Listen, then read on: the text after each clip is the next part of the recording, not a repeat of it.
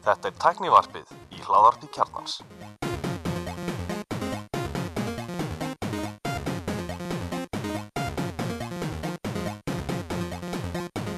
Komið í sæl og blessuð og velkomin í tæknivarpið. Ég er Alli Stefán og með mér í dag eru, Axel Pól Kristján Dórs já, velkomin strákar, Fjarvarpið fjarvarpið. Já, við afsökum fyrirfram hérna öll uh, hljómgæði í dag. Við erum að taka upp heima okkur út af Sollu. Fjórðabylgin er að skella á og, og hérna uh, er að hellast yfir, yfir okkur hérna eh, takmarkanir aftur. Uh, vondi verður þetta bara stutt í þetta skiptið og, og, og stutt í, í bólusetningar. Og, og að vísindin komu og bjarga okkur. að rússarnir koma að berga okkur Já, rússarnir. Nákvæmlega. Eru Evropastofnun er nú að klára eh, vonandi það, það er markaslega fyrir Sputnik á næstunni þannig að aldrei að vita nefnum við fáum hana Sputnik 5 í æð. Já, það var nú bara stemning. Já, já, Ég myndi alltaf það. Ég er alveg mjög spenntur fyrir þessu öllu. Allt er spennandi í dag. Já, Það er bara allt spennandi í dag. Bara hvað, Já, það er eitthvað gauður sem var Var ekki veikur. Það er ógæslega spennandi. En hvað sé, hvað, það er eitthvað að frétta? Ég myndi segja að við værum með alveg pakkaðan þátt. Já, það er íslenska fréttir fyrst.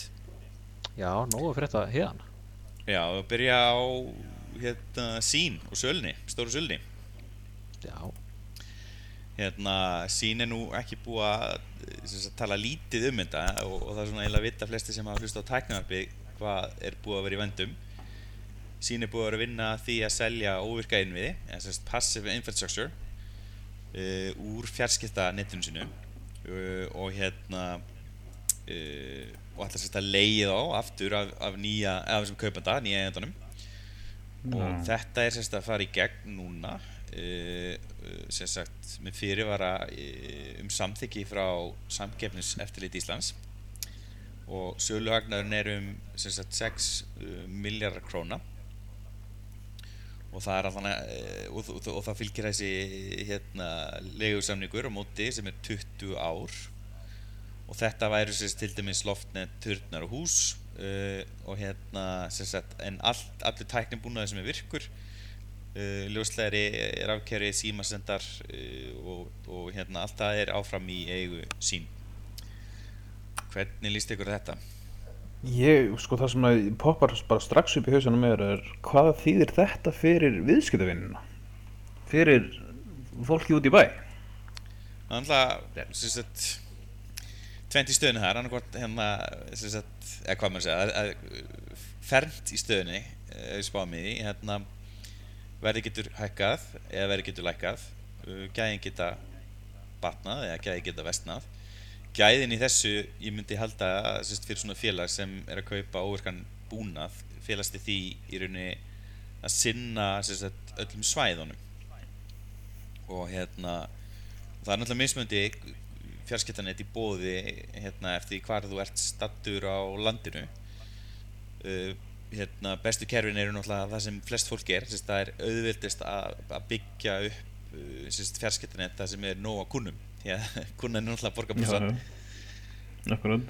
Og hérna óhagstækt að byggja annar staðar. Uh, sín á nú held ég ekki mikið að búna þeir svona kannski fyrir utan helstu þjættbliskjarna ef ég, ef ég giska á það sko. Þess að ég náttúrulega fyrir um starfsmæður kannski að við tökum hana fram að við erum allir fyrir um starfsmenn Allir fyrir já. En uh, var ekki, var ekki Nóa búin að gera eitthvað svipað Nó er búið að gefa sama út að séu líka í, í sölu við þeirra en það er ekki búið að selja. Við, við, við, við saman fyrirtæki. Ég nefnilega, með Rámar nefnilega hafa heyrt frétta sem verið að tala um að kannski ekki æsi frétta mennska eða hvernig það er þarna, ykkur viðskipta maður tengdur Trump væri að kaupa upp óvirka ok hvernig, hvað, hvað skiptir það máli? Veist það því? já, ég ég veist það því? það sko. En hvernig Nei. það núna er eh, alltaf sín og eru saman í sendafélaginu Já, og eru þetta þá óvirkir innviðir sem að sendafélagið á eða er þetta bara það sem fjarskiptafélagin sjálf eiga og sendafélagið er þá utan við það eða er sendafélagið kannski ekkert menn en að innvið út á landi eða? Ú, pass, ég, ég myndi segja allan að þessi sáningur sem liggur fyrir uh, eða þess að er, að- er að fara að liggja fyrir það er, það er ekkert mikið hennar sem er búið að leggja þetta er náttúrulega ennþá hérna í, til umfyllunum hjá samkynnsafteliturum ég myndi hal- halda að hann telji bara inn við sín ég myndi halda allar eignirinn í sendafélinu verið þá sér sala þannig að það er kannski annar paychecki á leiðinni fyrir sín. Þegar verið, sko. Og Óta selja saman. Þetta er samt alveg áhört að pæla aðeins í þessu því að kannski viðskiptuðinu mun ekkert finna mikið fyrir þessu allavega svona short term en kannski aðalega hvað e, hluthafar fá út úr þessu. Og á greinin fréttablaðinu morgunna sem að hérna, var aðeins verið að pæla í þessu og voru með eh, hérna, greinundur hjá landsbankunum sem voru að kíkja á þetta. Og eru að tala um að þeir gætu fara að greiða út góða summu getur greitt út cirka miljard til hluthafa við sölu þessum innviðum. Og svo er þeir líka að spá fyrir um hvað leiguverðið á innviðinu verður svo aftur til sínar eftir þetta. Og að vera að tala um að það séu um 300-400 miljónir á ári sem við munum þurfa að borga. Þannig að þetta er svona maður sem þetta veit ekki, þetta er svona bara spádómar þarna en þetta eru svolítið galnar tölur. Þetta er svona já. Já, En eins og ég er svo sem Þetta er bent aður í þáttanum þá skil ég vel að sín skuli, vera losa sér vita því að nýja, nýja, nýja fjarskiptaregluverkið heimilar fólki, heimilar fjarskiptum að stunda hana samræð á þessu lægi og, og, hérna, og það er rauninni því að það sé ekki samkeppni eftir. Og getur ekkert gert neitt betra hana fínt, fínt bara að losa sér við þetta og bara selja þetta inn í eitthvað svona fyrirlag sem, sem sinnur þessu þá vonandi betur. Já, algjörlega sko, það sem verður að tala um líka í þessu, þessari greiningu er að þeir geta það nota starta þessum pening til þess að greiða niður vexti og spara sér þá langtíma pening líka. Þannig að ég veit ekki, ég, ég er ekki nógu klár í viðskipta fræðum til þess að skilja þetta almennilega sko Það er náttúrulega svolítið verið að lagskipta markanum hana, það er verið að rífa í, sérst, og, fjarskiptafélagin, tvö stærstu, Vodafone, eða Sín og, og Símin, hafa náttúrulega, eru orðin svona sa, samstæður sem eru byrjað að framlega sjónvarsefni og eru með útarstöðar og eitthvað svona, veist, þetta eru svona media, hérna, conglomerate og Já. þannig er rauninni að vera að hyrða eitt lagið út uh, sem í rauninni sérst, Evropasambandi setti reglugerð held ég árið 2006 og 16 uh, með það markmiði að reyna sagt, uh, ná niður fjárfestingakostnaði við það að byggja þennan óverka búnað með því að samnýta hann sem er náttúrulega bara sniðugt. Það þarf ekki tvo turna hlifið hlið. Það þarf bara eitt turn og nóg pláss á honum til þess að geta hengt á hann hérna eh, farnets mótum Þetta er náttúrulega, já, markmið er að reyna að ná einhverju hæraðingu fyrir neytendur og, og fjarskiptafélögin. Það er bara spurning hverju megin það endar í hvaða vasa. ég verð að viðkynna það að ég trúi því ekki að neytendur eigi eftir að sjá neitt í, þessu. Og það sem er gerst elendis í Evrópu, svona í, eftir mjög stönglega skoðunni á mér er er, fjarskiptafyrirtækin eru fyrr að koma inn á svæði sem hafa ekki verið sint nóg vel áður. Það er, veist, fyrst að, ef það, segjum að séu þrjú fjarskiptafélag, ef að, eitt fjarskiptafélag hefði þurft að koma og byggja upp óverkabúnaðin og, og hérna, án þess að hinn fljóti með eða leiða af þeim, þá er það business case svolítið erfitt veist, og í öðrum löndum það sem í rauninni þetta er ekki heimila þá er rauninni sagt, endar þetta þannig að það verður svona svæðaskipting. Það er að segja, síminn ákveður að fara á vestfjörði og sín ákveður að fara á austurland veist, og byggjum sín innvi og þá hafa neittnurinn bara valum hérna, eitt uh, fjarskiptafélag sem náttúrulega er í raun takmarka samkipni alveg svakalega. Þetta er að gerast í bandaríkjunum Já, nokkanlega. Eitthvað sem við viljum alveg halda okkur sem mest frá er að reyna að horfa til bandaríkinu og svona viljum við hafa fjarskiptakerfið Já, okkar. ekki allir á, allir því máli, við vorum að mynda að ræða hana Ásker Ingvarsson sem viltu nú benda á að væri allt hérna himna lægi í bandrækjunum í fjarskiptunum en, en það er náttúrulega ekki staðan er, er bara alls ekki svo sko Það er flott að Nei. setja bara 18 miljón mann sem er ekki með háraðanett á gerfnatatinguna Já, það er alveg frábært Mér finnst svo líka skemmtilegt að vera bara búin að, að svo tala bara meikar ekki sens. Þú veist, eftir að hafa búið þarna þá veit ég alveg að þú internetið er rusk, fjarskiptakerfið er þú veist, leiðilegt þú ert búinn að grafa upp hérna þennan uh, ágætæs uh, þennan herramann sem er í fjárfæstingum í Íslandi um, bandarísku maður sem heitir Barack.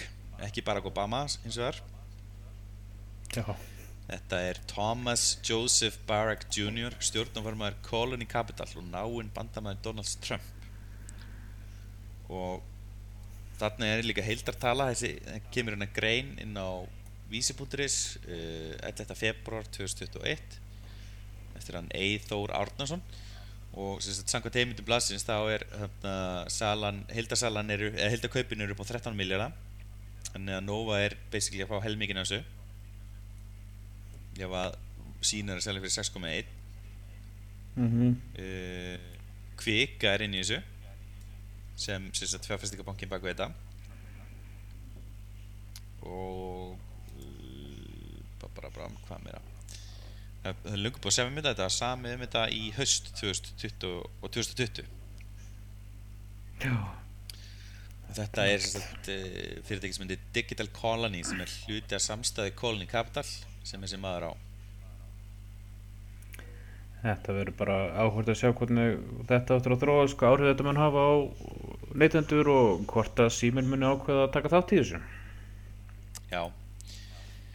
Við grunar að síma muni taka þátt, ég held að þetta sé hérna, að það sé vera skóplusöllu yfir í einogunum félag þannig að post- og fjarskiptastofnun þarf að vera á tannum á næstunni fylgjast með þessu nýja félagi. Já, En þetta getur náttúrulega þannig að svona félag geti komið með kannski einhverja fjárfestingun í landið og, og bætt í rauninni óvirka búnað en það sem er vöndun, það getur vel að verið sko. Já, ég ætla að vera er svart og fullkomna heimi. það mun aldrei gerast. Nei, ég held að það snúist meira um það að fá aðeins meiri mjólk úr kunni en Já að gefa henni að borða. Þú þurfum kannski að bæta við nokkru fyrirverum minni í viðbót. Uh, Axel Pól er starfsmæður gagnaðið Reykjavíkur sem á talsett á ofurkum innviðum á Íslandi. og hérna, ég er ráðgjafi hjá meðlans Nova fyrskiptafélaginu og hérna hef verið ekki vita meðlans gagnaðið Reykjavíkur ráð. Og ég er óháður, þannig að ég segi það sem að fólki vil fá að Já, heyra. ok, komdu með það. Það er bara verið að fara að stela af íslensku fólkinu og Já, það er, það er ekki teirst með hérna, sem sagt, gagnaðið Reykjavíkur, sem sagt, Colony Capital hefur ekkert nálgast gagnaðituna sem best ég veit og allan ekkert um það í fjölumrum og kannski óþælt fyrir því að kommenta þetta Axel. En það er náttúrulega er nóg á öðrum innviðum til þess að kaupa og ég meina til dæmis e, ork, á ekki hérna landsvirkjun líka slatta af einhverju ferskiptöðuti Jú, orku fjarskipt og helling líka. Og er það ekki, er það ekki landsvirkjun eða það er eitthvað annað? Eða kannski er ég röglega Nei, sko, nú er ég ekki alveg Þetta er ekki mjög gott hérna útvarpja okkur hérna. E, Nei, ég held að orku fjarskipti sé annað batteri, eða ekki? Mm Þetta er allt svo flókið maður. Já, en nú, nú hérna Já. vilja menn meina að hérna, það sé gott að eiga í sín því að þessar, þessi argræsleganar eru á leiðinni, þessi miljardur, segir Axel, eða ekki? Ætlið að Jú, kaupa? svo segja þér Kaupi sín og cash out Já, Já, nú Eitt sem hefur verið að bæta hellingar hluti fyrir sín og hann er örugglega að fara að casha hressal út já, einmitt. Hver ætli það sé? Ég man ekki hvað hann heitir Ég geti googlað þetta Já, ég einmitt, nú, fær maður að sjá svo- hversu sálarlaus fjárfestir uh, fórstjóri sín er. þú veist. Mun hann kassa út strax og allir kaupa sér inn og fá þessa argræslu?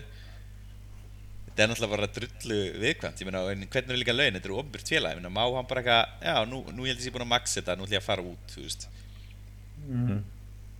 já, Hvað meinar þetta? er Bara sniður viðskiptumæður, kemur þetta inn, selur allt út og þarna, nákvæmlega. já, ég, time will tell, hérna, og, þú veist, ég er ekkert að saka hann að nágeta mann um það að hann sé með eitthvað svaka planana um að merk sjó úr, úr þessu félagi og, og selja svo sjálfur. nei, Nei, nei, alls ekki. Og það verður bara komið ljós eins og ég segi. En hérna vorandi mun hann gera uh, sérst, ekki valda þessu fyrirtæki skada því að þetta er náttúrulega hérna, einn af grunnstöðum Íslands hérna, uh, sérst, í íslensku fjarskiptafélagin eru mjög mikilvæg og hérna, ég hef fullt trúið því að þau, þau hérna, séu mikilvæg fyrir viðskiptalíf og, og, og, hérna samgöngur og, og fleira sko. Og, og hérna alltaf fjarskipti þannig að ég vil alltaf alls ekki rugga þeim bát mikið og ég vil endilega hafa eina þrjá sterka samkynnsala á markaði. Ég var horfður út frá markasvæðinni og, og, algjörlega. Það er, það er alveg frábært að hér séu þrjú fjarskiptafélag, það er eiginlega ótrúld að við hefum náða að byggja upp fleiri en tvö á þessu landi.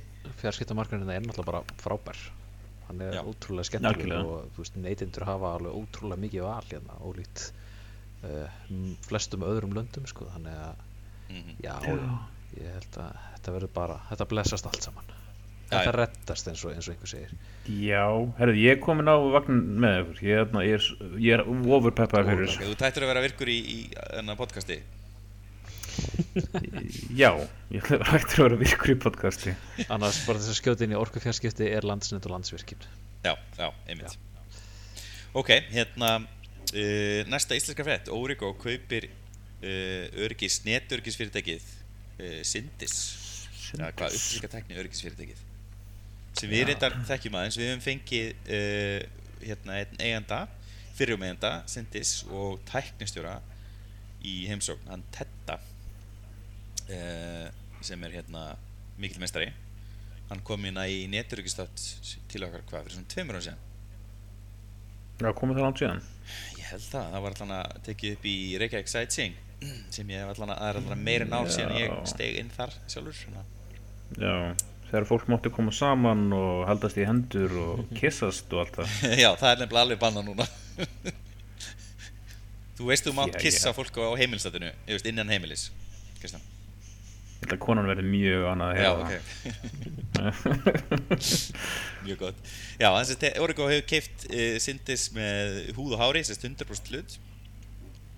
Og hérna Origo er með eitthvað teimi sem heitir öryggislausnir sem mun saminast undir vörmörkjum Syndis þannig að Syndis mun halda áfram en það held ég að mesta virðið við ráðgjafastofur svona fyrir utan eh, einhverja bindandi samninga, áskiptasamninga og þjónustusamninga er vörumerkið Já, uh, og hérna uh, og mannöðurinn vantar í þessu líka því að já, Já, menn, en þú getur náttúrulega ekki fest mannuð sko. mm. veist, fólk getur bara labbað út eða, veist, það er oft gerðir svona samningar þar sem þú í rauninni sem sagt, uh, svona líkilstarfsmenn eru, eru bundnir í x tíma sem sagt, gegn greiðslum sem sagt, svona bónusgreiðslum og, og til þess að reyna að halda einhverju staffið svo þú, að fólki bara lappi ekki út og stopni bara sittis tvö við hliðin á daginn eftir sem, sem er náttúrulega veist, veist, það, svoleiðis kaup hafa alveg gerst og veist, þegar það er einhver óanæg sko. uh, og þetta eru sérst 11 starfsmenn Sindismein og, og nýju frá sérst já Úrikur sem saminast og verða þá 20 öryggis sérfræðingar á nýjum stað. Þetta er skemmtilegt sko, þetta er náttúrulega bara flottasta upplýsingatækni fyrirtækið hér. Finnst mér sko, mér syndi svo ógislega flott fyrirtæki og eru að vera að gera geggjaða hluti og eru algjörir fagmenn í því sem þeir gera sko, þannig að þetta er bara góð kaup fyrir Origo. Já, að samanlega, ég, mjög flott fyrirtæki. Áhört að sjá að Origo verið staðans vera á splæs buksunum þessa dagana sko, þeir keftu líka 30% hlut í Datalab bara fyrir hálfu mánuði síðan eða eitthvað slúðis, það var í mars. Já, ég binna borgar. Binnaborgar og það er eitthvað aðeins verið að bæta í grannlega fjárfæstingunum Origo Já, það er, það er einmitt nýr uh, forstjóri eða ekki uh, Já, Origo. Er nýlegur, hver, byrju, hver er þetta forstjóri núna? Finnur hætti eða ekki og fór í hvað? Var aftur. Ó, hann búinn að glemma. því Það er þannig nýr forstjóri, þannig að það er greinilega einhverjum breytingar Mjög fyndi ég þessari tilkynningu að það er ekki, Jú, það er ekkert minnst á forstjóri Origo Jú, Jón Já, hérna festi forstjórin og hinn fór til Krónum Já, já, já. eða Haga. Já, var það ekki eitthvað svo leys? Finnur Já. tók við að finni. Jú, akkurat ég Jú, mann einmitt. Finn tekur að finni Já, svo er með Finnur Árnason lauk störfum og Finnur Oddsson fyrir um fórstur í Origo tek, tók við honum, tók við honum. Þetta var í síða, já, síðasta sumar. Já, hérna ég bara óska þetta og, og félögum til að mikið með þessa sölu og hérna uh, verður spennandi að sjá hérna hvernig syndist þróast hann inni.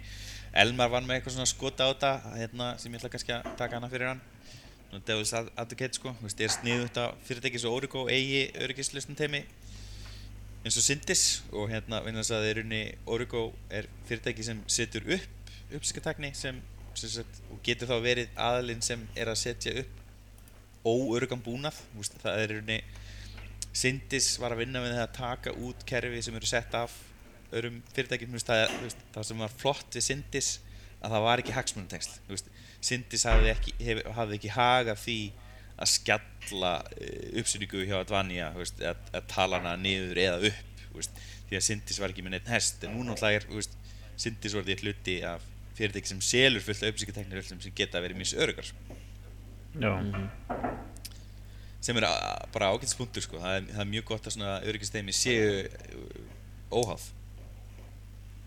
Alveg klárlega sko veist, og það er ástæðan fyrir að hey, Syndis sillaði mig sko. Að maður gæti bent á Syndis og, og uh, fórstuðumæðurinn þar er ekkert eitthvað háður einhverjum fórstjóra í einhverju samsteipu sem vill ekkert og gefur upp að, að hérna, kerfið sér illum sett sko.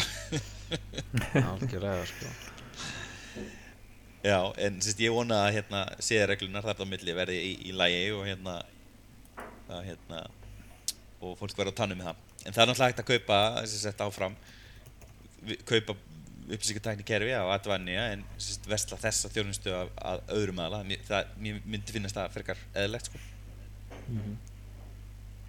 ég sjálfur myndi ekki velja að kaupa upplýsingartækni og net öryggis sem sagt úttekt hjá sama aðla nei, bara eitthvað, jú, jú, hörru, við erum að gera mjög góða hluti. Mhm. Fullkomið hjá. Þetta er svo góð synergies í að bara taka sér út sjálfur Nákvæmlega. Herru, við skoðum okkur sjálf og komumst ekki að því að við höfum gert neitt rán einmitt svona svo Robert Westman sem stanna too, too soon? Svo næstu því. Hefur, jæja, stærsta fréttin úti Facebook Já. leki. Sko málið er að þetta er þessi náttúrulega leki og þessi frétt tengist akkurat inn á Ísland ennþá þannig við erum ennþá í Íslandika hotninu Já, það er okkur spunktur uh, Er einhver búinn að ná í þessi gögn? Þetta er sem sagt 553 símanúmer, netfeng uh, nöfn. Þetta, þetta er bara drullu mikið af persónurgrendi gögnum sem gera mann eins og Axel GTPR alveg sturlaðan.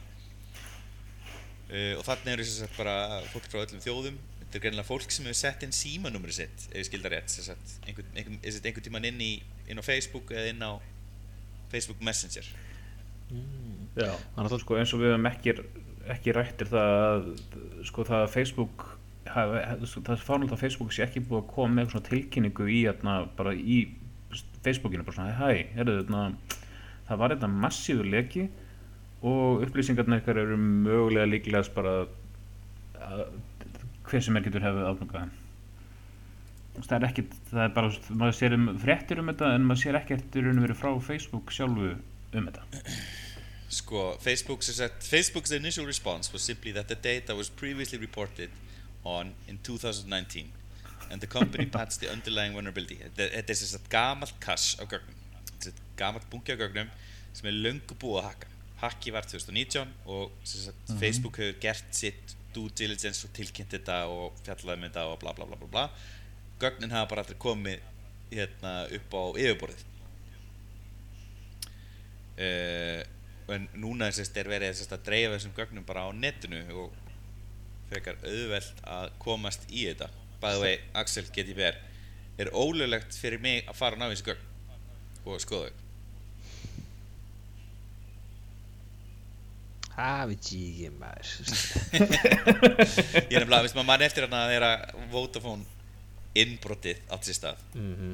og þá var sagt í móðusíkiskastinu sem var í kringum starfsmenn Vodafone á þeim tíma þá var hérna var ítrekka verið að benda það að maður myndi skoða þessi gögn þá væri maður brjóta lög. Já, þetta er góð spurning sko. Já.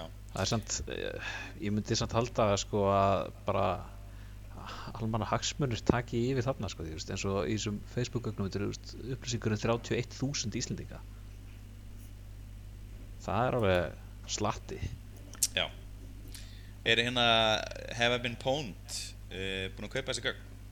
Það er spurning sko Ég, það er allavega eitthvað verið að benda í hérna, í Já, Business Insider greininu um það þetta að, að fólk ætti að fara að checka á þessu Jú, recently added svona- breaches 509 miljón Facebook accounts Já, ok. Ég mæli með því þannig að, að sko, nota það bara frekar hefn póld frekar en að ná í gögnin. Því Að fara bara að reyna að fletta upp ykkar uh, netvangi og símanúmeri. Til þess að sjá hvort að ykkar, hérna, hvort að þið séuð í þessum legga. Uh, ég er einmitt sko búinn að vera í mörg ár. Að gera alltaf nei takk við að setja þetta símanúmer setja símanúmerum mitt inn í Messenger. Maður fær það alltaf þegar maður setur upp Messenger eða nýjan síma og veist hey, please geð mér númerið svo ég geti sett hérna, SMS-in inn í Messenger af hverju myndi ég vilja gera það? Nei takk. Herðu, ég, það er búið að pána mig. Símanúmerum mitt er í legganum ok. Jaha. þú af þessum sem ítti á já, hérna er símanúmerið mitt og að einhverjum tíumpunkti en þegar hann var að vildi ég alltaf taka fyrir SMS-i minn þá var ég bara, nei, ekki séns. No ma'am. Settur inn símanúmerið þitt og kom þá niðursta með 00354 eða plus 354 eða bara Uh, símanúmerið. plus, plus, plus 354 ok, ég, ég er ekki enni þessu. Nei, ég er ekkert með heldur uh, nei, jú, oh my god. Ertu í þessu? ég er í þessu. Þetta er líklega örlíða dottorinn strakar, 31.000 Herðu, jú, breska númerum mitt er í hérna í þessu líka. Já, þetta- ég er í þessu, Facebook. April 2021 Oh shit Dates of birth, email addresses, employers Employers, gender, geographic locations Names, phone numbers, relationship status Þetta, þetta er algjör skitta uh, Já, þetta er fuck, skilta sko. Þetta er bara rugglu oft sko. Já, algjörlega sko. Ég er endar verða viðkynna það ég er orðin mjög spenntur að fá símtöl núna frá auksan út í heimi þar sem fólk er að reyna að Hello, this is the police? You owe us money Yes, how much should I transfer? Nákvæmlega. Ég veit það ekki, ég veit ekki hvernig svona virkar. Ég er bara að segja það að ég er mjög spenntur fyrir þessu. Já, að fá þessi Þú er símtöl spenntur, svo nýmóðins, þetta er svo nýmóðins. Já, þetta er aðeinslegt Meina Facebook er bara að koma okkur koma okkur í meiri tengingu við heiminn. Það er það sem ég, ég horfa á þetta sem. Ég er ánægð með þetta Ekki mjög góður virkur, virkur í podcasti sko Nei, ég, ég þarf að vera neikvæður þessu. Já, miklu neikværi Já. Já, ég sé að Hvað sömur er ríkistjórnin að gera í þessu? þessu af Facebook út af þessu. Fólk er bara, fuck it, þetta er bara síðasta hamstráð þetta eru 500 miljón fæslur, þetta er bara rögg Eiginlega sko. Maður ætti eh, eiginlega að spá bara að fara að downloada öllu infónu mínu og svo delita þessu. Og upp á myndirnar og allt það drall sem maður er búin að posta inn að þessu við getum í þessu ár. Bara fyrsta símtali sem ég fæ, þá ætla ég bara að starta class action suit, ætla ekki að koma með ég held betur. Ég meina, þetta er basically, ég meina, þú getur þetta getur þýtt að þú lendir á einhverjum hérna, einhverjum brjálegum spamlista, bæði e-mailit og símanúmerið Já. og, hva, og hvað, þú veist, að maður að skipta um símanúmer? Já, nákvæmlega sense. sko. Það er glatað. Já, allan að þetta er alveg frekar leðilegt en, en allan að gott hjá Facebook að það sé búið að stoppa í þetta gat. Uh, en hérna þetta er bara búið að gera svo mikið og oft. Segi þetta er bara búið að gera svo oft og mörgu sinnum að þeir eru eitthvað svona æ, eru við skiptum á bak. Þarna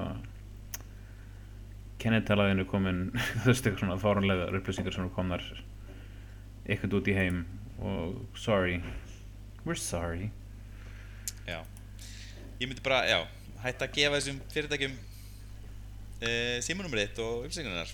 Bara geta það ekki, þetta er orðin ávan hjá mér. Ég bara byrjar að dela þessu út úr fólks hægri og vinstri. Þetta er óþálandi Kristján. Það var hann að dreifa um drastin sko. Ég er búinn að ná í þessu gögn, það er lítið um Chris A. Símanúmerið, nafnið, kynið þitt og eitthvað timestamp. Ekkert um e-mail eða birthdate eða neitt. Ok, og eftir að finna sjálfa mig í grannlega UK gögnum og það er miklu starra maður djúðusins vesa fuck. Og örgulega líklega er einhver sé að fara að hérna, skreipa þau í eitthvað skemmtilegt sko. uh, já, einmitt. Já, þetta verður partí. Herru, moving on. Hérna, við munum mjög fjallum þetta mál aft- eh, setna og hérna Ég held það sko, þetta, þetta sé eitthvað svona gefin sem heldur áfram að gefa. Ég, Takk Facebook þetta ekki bara einhver feit sekt eða hvað, veist, ég meina, eða- eða er of sint að sekta þá Þeir eru búin að ræða, meðan fyrst þetta komið þá held ég að get, get, GTRN, segjum það bara GTRN alltaf sjálf að mæta þarna og GTP ætlar að fara þarna þetta sé eitthvað sem að þeir getur núna lóksins farið og sektað allt sakalega bara kert á fyrir þetta það væri nú ágætt sko en eins og alltaf með Facebook að þeir eru bara eftir að komast veginn Einmitt. og í rauninni það er náttúrulega verið að brjóta á þeim það er verið að fara inn, inn, í- inn og stela gögnum þeirra. Þetta er náttúrulega eins og Óta hún benda á þetta er innbrot. Algjörlega sko. Herru, önnur stór frétt í okkar heimi eh, hérna, suðukorska fyrirtæki LG eða Lucky Goldstar uh, er búið að tilkynna það að þau ætli að, að hætta, hætta að framleiða snjálfsíma Þetta er svakalegt. Já og þurfum að hella einum niður fyrir LG held ég sko. Já, þetta eru leiðlega fréttir. Hérna, LG, ég nú var nú oft með LG síma í, hérna, í gamla daga. Þeir voru miklir elgjumenn báð sko. og LG náttúrulega startaði í rauninni það sem varð svo síma.is því að er rétt. ég, Krissi og Marno áttum allir LG Optimus eða LG GT540 mm þann frábæra síma. -hmm. sem Ah, að. hérna, já, fyrstu svona mid-range budget síminn sem kom til Ísland sem meikaði eitthvað sens að kaupa. Já, sem var með líka Mhm. capacitive skjá og svona. Já, eins og iPhone. Þannig að þetta var nei, nei, nei, það var resistive skjár á honum sko. Þetta var, Já, það er resistive skjá já. já, Ég man mig úr svona eitthvað að reyna að nota hann með eitthvað svona hálföldan lemja í hann sérðu þau hvað þetta er cool og getur nota snert síman hérna og svo ítur hann svona áfram, getur fast svona eiginlega bara rispan. Best að vera sko með Sérðu aðeins hvað þetta er geggjað Sérðu hvað þetta er geggjað? Kókaín. svo hérna, var með Marno fann eitthvað rústnenst OS update til þess að koma hann upp í Ice Cream Sandwich og þetta, já, þetta, þetta, var, þetta voru góðu tímar sko. Já.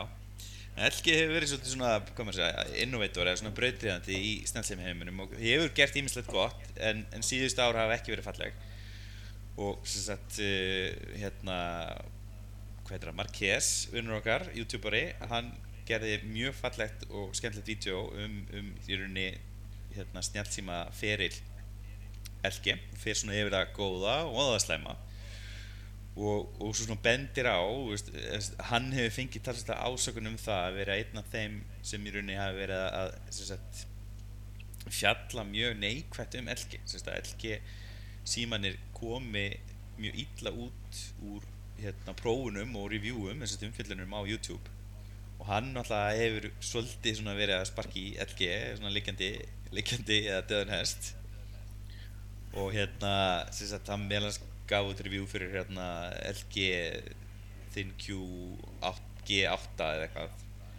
Veist, sem var bara frekar góðu sími en veist, hann var með eitthvað svona gimmick hann var með svona uh, Wayne Unlock eða sem sagt, þú gæst aflæst með æðunum í hönduna þér og þetta er náttúrulega bara svona headline-grabber skilur þú veist.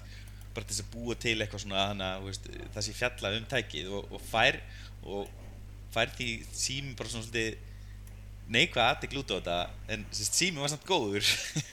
Hann tikkaði öll, öll bóksinn sko. Og hann bent hann á í vídjónu að LG var eitt fyrsta fyrirtæki ef ekki bara fyrsta fyrirtæki með kapacitífskjá á snjálfsíma snjálfsímin sjálfur undirleikiti var náttúrulega ekki með stýrikeri sem komst nálagt hérna, iPhone á þeim tíma. En, en var sérst, miklu betri heldur en resistive skjár. Svo var LG líka mjög stemma í dual camera system þess að tvær linsur. Hérna voru hann með 3D síma munið Optimus 3D mm -hmm. geggja Mhm. dæmi sko.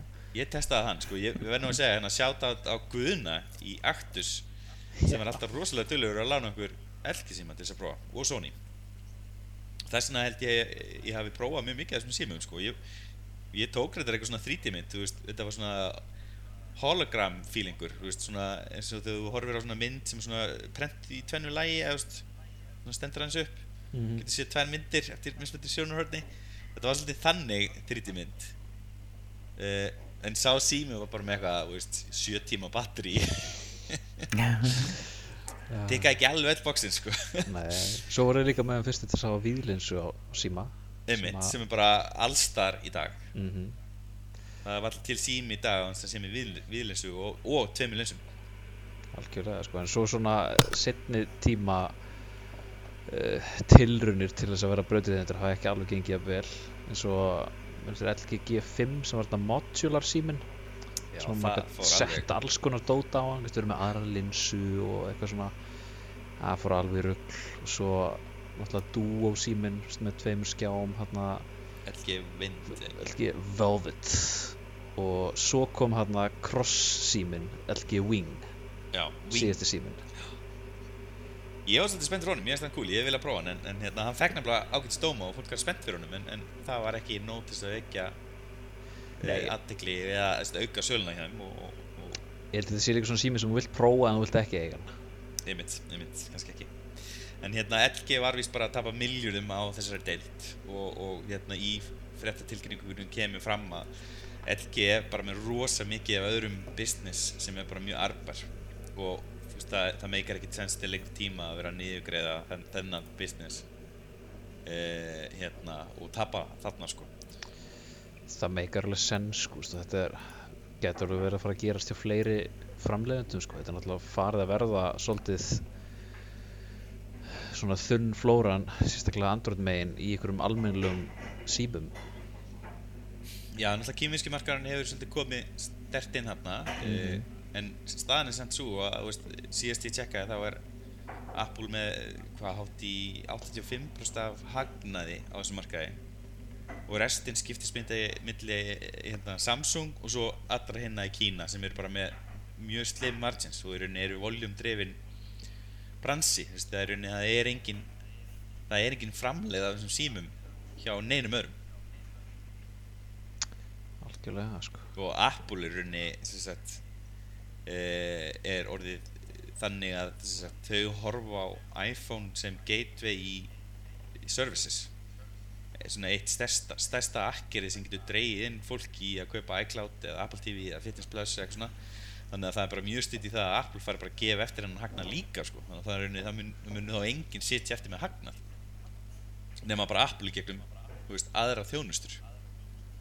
Og Samsung kannski þú veist, ef þeim tekst það saman. Ég held að það sé samt engin í því á þeim staðnum er mögulega Google að geta þess að kyrta á einhvers konar hérna sagt að niðurgreiða símtæki til þess að koma þér inn í einhver plattform sem er eiga til þess að selja þér Nei, þetta er náttúrulega ecosystemið og Android ertu með svo mikið af öðrum möguleikum að áskrifta þjónustum. Þú veist eins og þú getur bara fengið þér Dropbox eða getur fengið þér Drive eða whatever.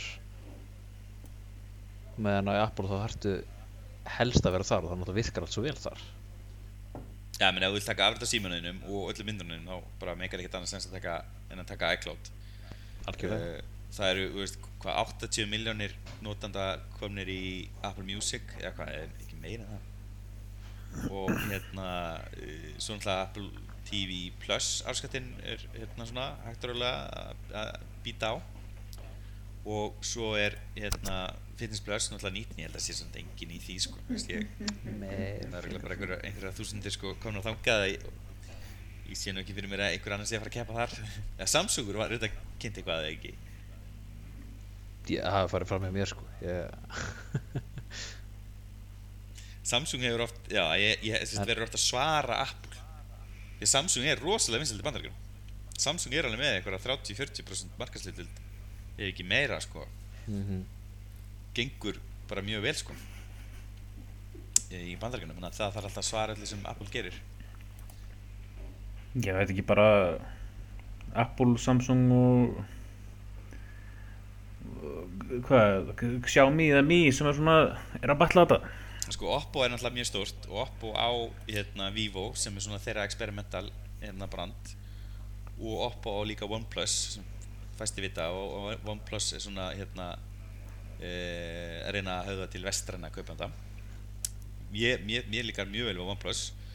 Huawei var náttúrulega risastórt en lendi hérna ávart í, í viðskiptastríði og, og, og var dreigið hérna í rauninni sem svona skotspót í, í tí Trumps og er rauninni ennþá í vandræðum og hefur ennþá. sig tilbaka að flestum vestrænum mörkuðum út af þessu og raun og veru eru átök kynverja og kanadamenn bara í fullum gangi núna út af bara þessu Já, ok.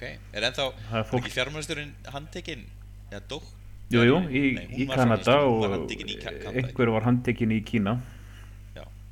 Já, svo er starfsmenn hjá, kanadinski starfsmenn í Kína handteknir á móti. Akkurat Þetta er svakalegt. En já, svona uppbóls LG sími minni, líklega hérna LG Nexus 4, það var geggjað sími. Já, Ég saknaði hans. það var geggjur. Ég, ég ætla að segja Nexus 5 sko, það var alveg, það var geggjað sími. Já, ég átti hann ekki, en ég átti, ég átti Ne- Nexus 5X sem var framleitur af LG, sem var mjög skemmtileg líka. Þeir hafa svolítið verið svona þekktir, LG hafa verið svolítið þekktir það að framlega uh, hérna, skjái, sem sagt sín eigin skjái. Og það hafa oft verið, oft verið ágætt skjáir á þessum símum. Og svo fyrir þessar skrýtnum síma, þessar nýju innovatera. Já, Ég held að það sé bara tíma spursmál þangar til að Sony tjekka sér út líka. Held að það sé Hlýtur að vera sko. ekkert að gerast þar sko. Nei. Þannig að við endum basically með kýminsku deildina, Samsung og Apple. Það var áhört að sjá eins og hefur ekki Sony alltaf verið með massa spons í hérna James Bond myndunum. Jú. jú Er þeir ekki öruglega með eitthvað flagship síma sem er núna bara á ís út af COVID í þessari af James Sko, ég-? Held að verði bara einhver gammal tíma þannig í Bondmyndin nema þeir gera eitthvað svona digital dæmi, eitthvað svona replace hann. En það getur vel verið að Bondmyndin sé bara tekin upp þannig að hann sé bara með hérna grænan kupp í hendinni sko. Það getur verið sko. Mér finnst það ekkert ólíklegt sko. En er Sony sniðugt. hefur fært sig í, í það að reyna að halla sér upp að alfa verumörkinu sinu sem er sem sagt, speklaðlausar myndavélar og einn af nýjastu símónum hjá Sony er konar svona HDMI monitor sem getur upplótað gegnum 5G instantly myndbundum Já, sem kostar 2500 dólar sem er mjög áhugaveru sími. Og veist, er hannaði fyrir svona sport upptöku vídeo upptökumenn með fólk. Já, já Jæja, en jæja, hérna ég ætla að LG er náttúrulega áfram stúrt í, í bröðristum og ísköpum og sjónvömpum mjög stúrt í sjónvömpum hérna landi síðast yfir sig. Er ekki allir í, teknivarpinu búin að kaupa sér nanocell sjónvarp? Jú, er ekki allir í nanosel eða OLED línni fyrir utan eitt sem er með The Frame. Já, ég er einn í hreim er ég er að fara að koma með nýtt sjónvarp? Neon Frame. Nú, hvernig sjónarpið það? Ég þarf að velja með milli 2020 eða 2021 útgáðunni sem er talsett breytt, sem er hans stinnir og svona. Ég er, ekki, ég er bara ekki búinn að geta tekið þessu ákvörðin, sko. Varstu búin að sjá hérna nýju orðrómana um IKEA og Sonos hérna samstarf Nei, e, það verða einhvers konar listaverk sem að þú hengir upp sem að eru líka hátalar ah, það er svolítið cool. Væri það ekki fullkomið í The Frame heimilið þitt? Það var ekki villist að setja það slíkt upp. Hver, er, er, er vonað þessu þessa ári eða á næsta? Ég sá bara eitthvað um þetta í hendingu þegar ég var að googla fyrir hérna Sonos Rome Ég var kannski að taka það næst. Nú, að, Já, það ekki bara Sonos Rome er, var að fá umfyllun frá The Verge, vinnum okkar. Og þetta er sem sagt hátalar sem við höfum fjallað um áður, sem var kynntur fyrir hvað mánuð síðan eitthvað. Þetta er lítill uh, Sonos hátalari með rafhlöðu og Bluetooth eða ekki. Jú, og þetta er svona uh, sem sagt já, farhátalari um, sem kostar 170 dólara mun líklega kosta svona nála 30 skalli hérna heima. Og er að keppa við þú veist, UE, uh, Megaboom og Boom og allt þetta dæmi. Og hvernig það er Soundlink Mini. Og tengist inn í Sonos ekosystemi þannig að það er rauninni talar við það allt saman sko. Og stiður hérna Airplay 2, Alexa, Google Assistant uh, og hann er svona harðgerður þannig að hann á nú að þóla ýmislegt. Og hann er með þrálusta hleðslu uh, en hann fær hérna 8 einhvern af 10 á The Verge og bassinn er ekki alveg nóg góður. Sem að ef maður lesur view þá er það bara með alla hátalara í þessum stærðarflokki. Já, er það ekki? Jú, það er eins og, ég held að vera Dieter Bone sem sagði að það eru bara tvær reglur í alheiminum.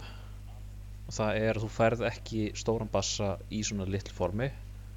Og ef þú ert með Google Assistant á ekki Google tæki þá er það böggað. Og Já. það er, er böggur á þessu sem að veldur því að þú ert með Google Assistant þá hérna dreynast batteri hraðar. Já, það me meikar reyndar mikið sens. En ekkert veist með Alexa sko. En ég er mjög spenntur fyrir þessum hátalara og ég ætla að kaupa mér hann þegar hann kemur. Já. Eh, ég á sjálfur hérna uh, UA Boom 2 hátalara sem er svona í svipuðum flokki.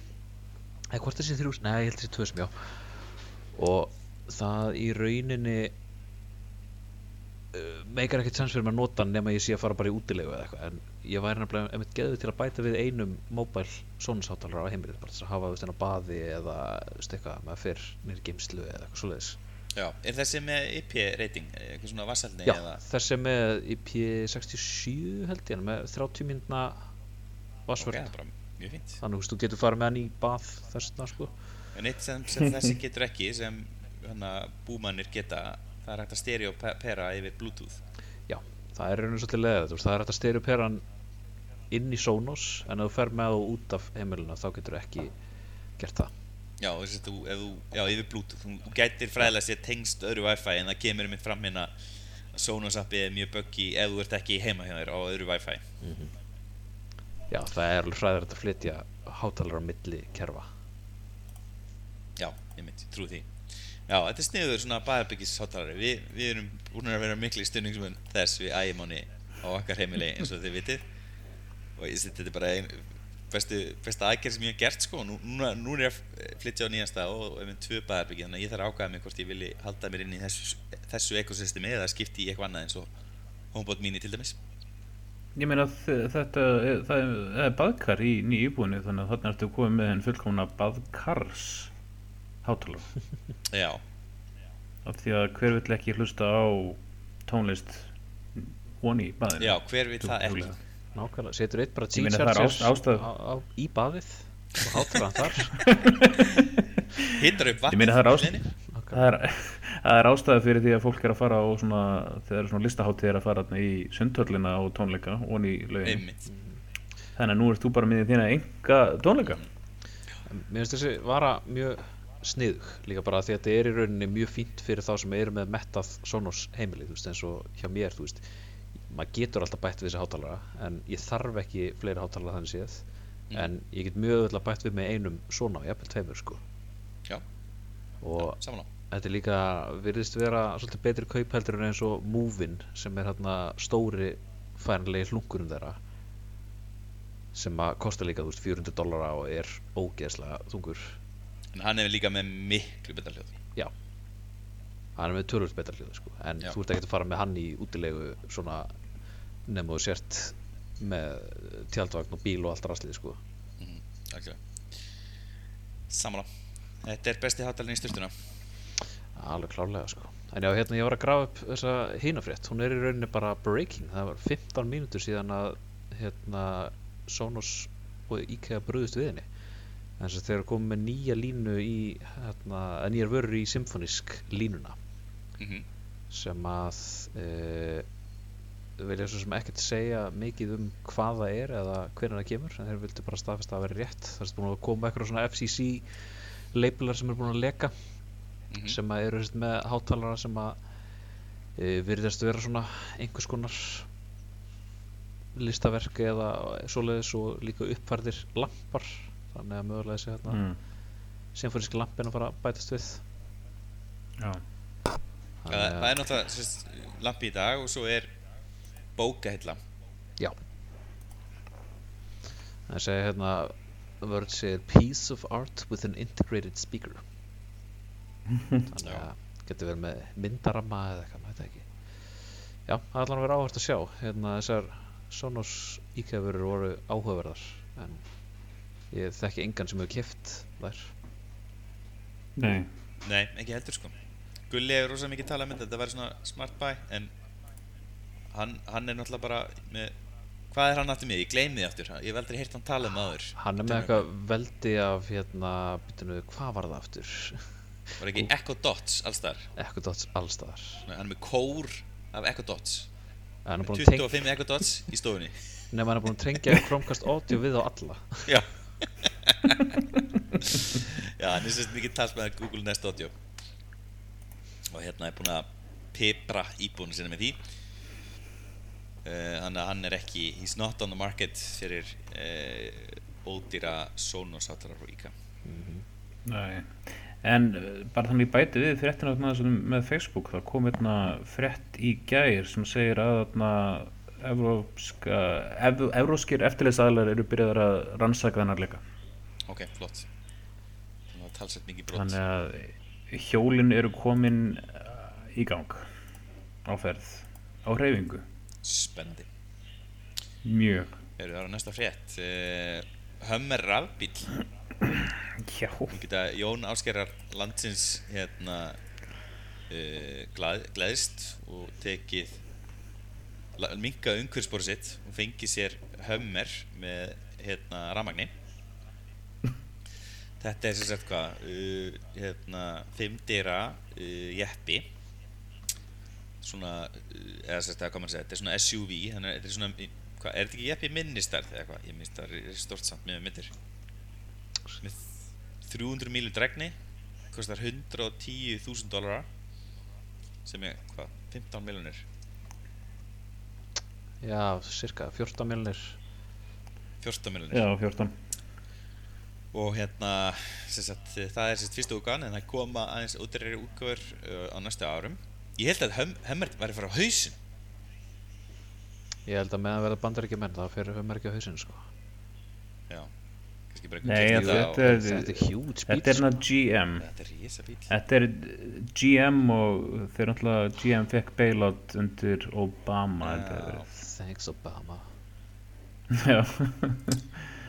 Og það er þeir, þeir fara að gera þetta. Fara að búa til einhver monster af bíl. Þetta er rugglaði bíl sko. Það er rugglaði markaði fyrir til bandarækjum sko. En Pottet Já, já, það kemur ekki óvart að við myndum sjá einn eða tvo þannig hérna í Íslandi líka. Einmitt. Já, spennandi, hlaka til að kaupa þetta aldrei. Já, Uh, heyrðu, það er örgjöraskortur og hérna, það hefur mynd búið að hafa mikil áhrif á, á bílaframleitur því að það gengur erfilega að framleiða bíla og, og Ford meðlan spruðist til þess að, að hérna, fækka örgjörum í bílunum sem þeir framleiða og, og í pick-up línunum sinni þá hafa tókuður út örgjöran sem setja þess að bílinn sér sparnetin þannig að ekomót er ekki búið þannig að Ford pick-up bílar núna framleitur á þessum tíma munu eða allan að hérna, einu galanu meira á hérna, 100 milur en þeir eru svo sparsamir nú þegar Já, að þetta er allt í lagi. Já, fjöður í hattinn fyrir hömmer maður. Sparnetnari Já, Já, En hérna, þetta er af áhrif líka á leikjatölvunar uh, sem voru náttúrulega nýbúnar að endurnýja sig sem sagt þessar tvær sem endurnýja sig á sama tíma Playstation og Xbox.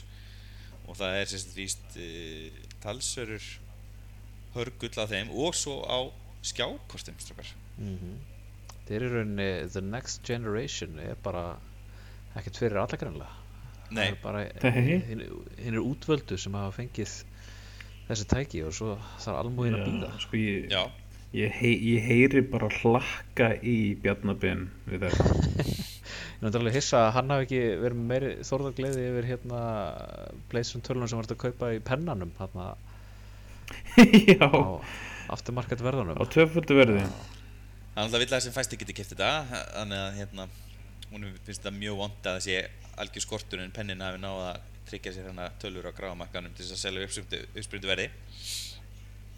Það er vond fyrir hann að einhver plebbi í- á Ardanesinu geti bara rölt inn í pennan og geti sér tölvu.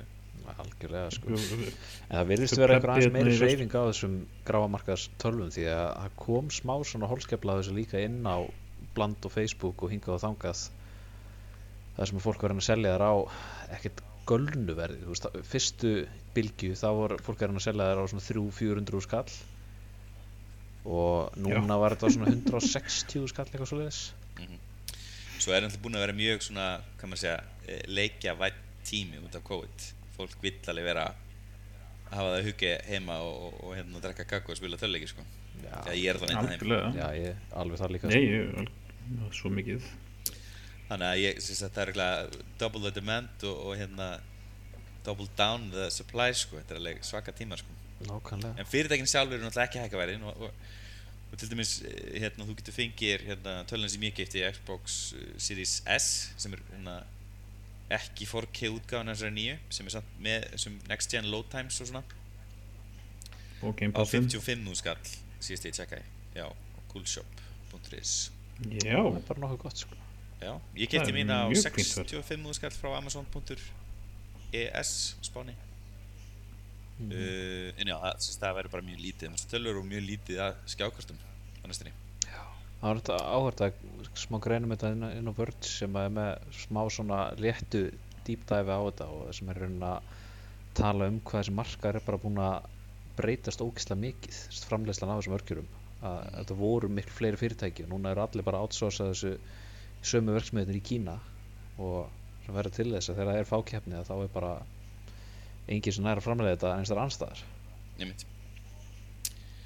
og Intel náttúrulega uh, svona dott út af markaðanum og var náttúrulega þessi stefst er að hægt að róla þetta út af markaðanum og hafa ekki verið að framleiða sérst, aðra mörgjur í sínum versmum sem er reyndar verið að breyta núna eins og kom fram í sísta þetta þannig að það er mjög skrítið ástand. Apple virðist ekki verið að lenda í neinum svaka skorti en það var Apple búið að skipilegja svaka innkomi á markaðin með þessum nýju fartölu og svo vonandi bortölu örgjurum sem eru á leiðinni.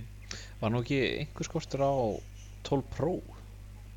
Það var alltaf mjög hæg dreifingin á þeim sko. Að það sé bara mjög gott ár hjá iPhone yfir höfuð. Sagt fyrstu tölur hérna frá jólunum sína að markaslutildin er komin búin að hækka um einhver prósentstig það, það gengur það vel hjá iPhone. Það er fyrir utan hérna- 12 mini. Já, fyrir utan 12 mínu, en nóg til honum. Og hérna, sérst, ég held að það, það, sérst, eins og ég skildi það bara hver einsta sending af 12 Pro og 12 Pro Max sem kemur hann inn til landsins, bara hún hverfur sko. Já. Já.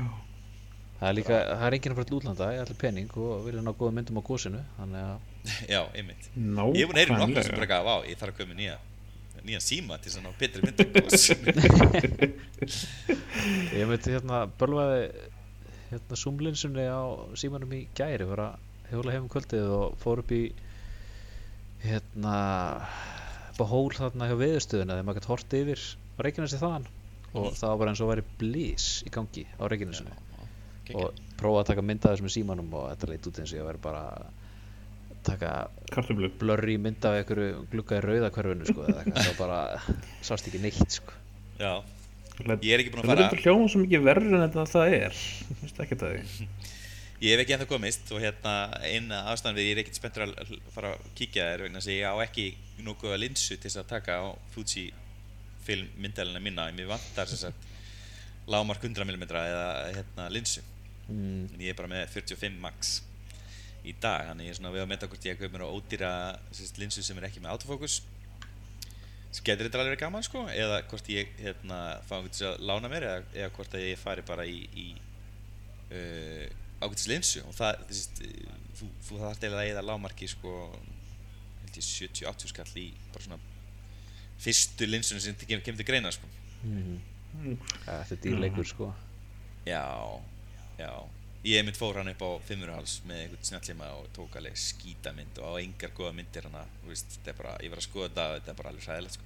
Ég mynd fór, fór á góðsunu og vorum bara með símana og jú, jú, þetta er svona alltaf lægi myndir þannig séð sko en ef þú ætlar að taka eitthvað, eitthvað flott veist, sérstaklega þú vilt vera með góða zoomlinsu í þetta þegar nefnum þú sért hálfviti þá fer ekkert alveg upp á góðsunu Já, ég mynd Það er ekkert í bóði lengur, ég meina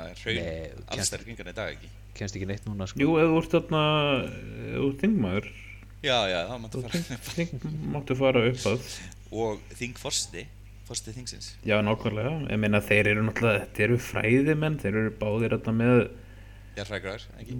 jarðfræði gráður frá því 40 ára gamlar jarðfræði gráður einn er að svo vann við þetta í tvö ár og hinn lengur. Já, Ari Trausti nú alveg hann er nú alveg proper Já, já, ég, ég, ég var alveg bara já, já, ok. Ég þú er ekki að fara með það Mér, þó, mér þótt ekkert að því að það er trösti verið en svo þegar það er stengri mér ég bara eitthvað, af hverju hann er bara í zero fucks given. Hann er ekki að fara í frambóðið eða neitt sko. Hann er gamall maður hann bara I'm gonna do what I want. Já, Herru, svo er einn fréttin í lókin með eh, Google vinnur Oracle uh, mál gegn Oracle. Uh, hérna multi-billion dollar lawsuit uh, hérna sem Oracle læsist hérna laði fram uh, upprunlega uh, vegna þess að Android stýrikjöfi er að nota uh, Java sem Oracle á, eða ekki?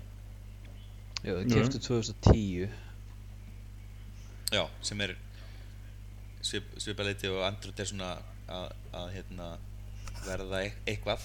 Þá er Android búið að vera að fæðast hana frá 2004 eða eitthvað var það ekki sem bara stað. Jú, og sem sagt Oracle hafði sem sagt beðið sem sagt, um bætur upp á 7 miljardar bandarækjadólara e, og sem sagt e, já, the background to the dispute is that Google had used about 11,000 lines of software code from the Java programming language for Android. Og hérna sem sagt já, þetta er já, Java er upprunalega búið til af Sun Microsystems sem Mhm. mm kefti hann á 2010 eins og þú segir Axel. Og hérna uh, þannig er raunin bara verið, er verið að nota forðandungmál til að búa til uh, frammenda og styrkri sem mm, veist og, og hérna Oracle greinlega ekki sátt við. Og hérna fréttikun lítur það hvernig veist, minna, þú ert náttúrulega bara að nota tung, svona tungumál til að búa til viðmótun og stýrikjöri en þarna var raunin var náttúrulega að fara miklu lengra með það veist, og búa bara til heilt stýrikjöri mm búið að vera svolítið flip í þessu veist að þetta var upprannlega þá var þetta dæmt Google í vil svo var þið áfríðað þá vann Oracle svo var þessi áfríðað núna í Hæstarétt og þá vann Google aftur Ok. Er þetta ekki bara frábært fyrir nótnendur Android? Eh, hefði Google ekki lendi í smá vandræði með að borga hann reikning. Og það er kannski haft aðhrif á, á nótkunn Android eða eitthvað? gæti verið sko. Það er náttúrulega væntalega að þau þurft að borga slatta og svo að byggja ykkur afnótagjöld eða eitthvað áfram. Það maður halda en Já, Ég er nú búinn að vera í þessari umræði núna með höfundaverkarétt og engaleifi og þú veist, það er alveg að það eru tvær liðar á þessu, þú veist, að, að hérna, það sé til lagaumhverf þar sem einhver getur 1 miljónum í að þróa eitthvað og fengi tilbaka fyrir því. En þarna til dæmis það sem Oracle kaupir Sun sem, þú veist, og Java er náttúrulega bara fordunum þú veist, sem er erfitt að búið til mikla pening úr. Það er séð sko og þannig er verið að reyna að búið sér til einhvern mat með því að aftra í rauninni notkun og þróun á Android. Og þetta er náttúrulega bara held ég bara versta mynd af svona, hvað maður segja, uh, engalefum og er svolítið svona patent trolling finnst mér. Og, og hérna, þetta er eitthvað sem þróun sem ég bara vil alls ekki stiðja og, og bara mjög annað menn dóm já, samanlega sko. Algjörlega en það er náttúrulega að vera, þess, já, þetta er náttúrulega Google náttúrulega með þetta. En er ekki fleiri í Android eh, sambandinu, veist, eða eru allir bara farnir út? Er þetta bara Google Project í dag, Android? Það var náttúrulega upprunalega svona Alliance. Já, held að þetta er svona aðal bara Google sko. Já, ok. Sé bara eða þau. Já, hérna spennandi. Ég ætla að vil endilega hafa hérna, Android áfram sem hest í þessu kaplöpi Já, ég minna það bara verður að vera. Verður að vera uh, val það getur ekki allir bara verið sett sér við iPhone? Vill ég alveg meina að það sé eitthvað bara heilbreytt fyrir það að hafa svona smá kjarni eitthvað svona sem ítir aftan Heyrðu, nú komum við lokum ykkur. Eitthvað sem ég vilji taka henni lókin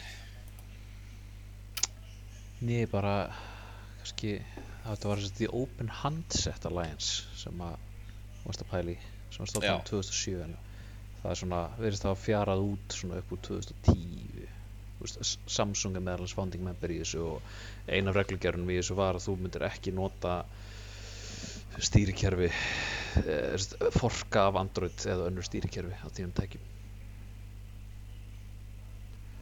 Já, já, mm það fór nú fyrir bí Það var brotna bara snemma hana Ok, gott að heyra. Hérna, ég segi bara takk fyrir okkur og hérna, byrst afsökunum því að þáttunum fjall niður í síðustu viku við ákvæðum að taka okkur páskafrí í síðustu viku. Og hérna, við letum ykkur vita á Twitter uh, þau sem fylgist með okkur þar. Og hérna, mæli endrið með því að fólk fylgja okkur þar ef að hérna, það misti að þeirri tilkynningu. Við erum þar undir teknivarpið mjög þægilegt það er mjög þjólt. Mjög mjög flott. Heyrðu, takk fyrir okkur. Takk fyrir takk takk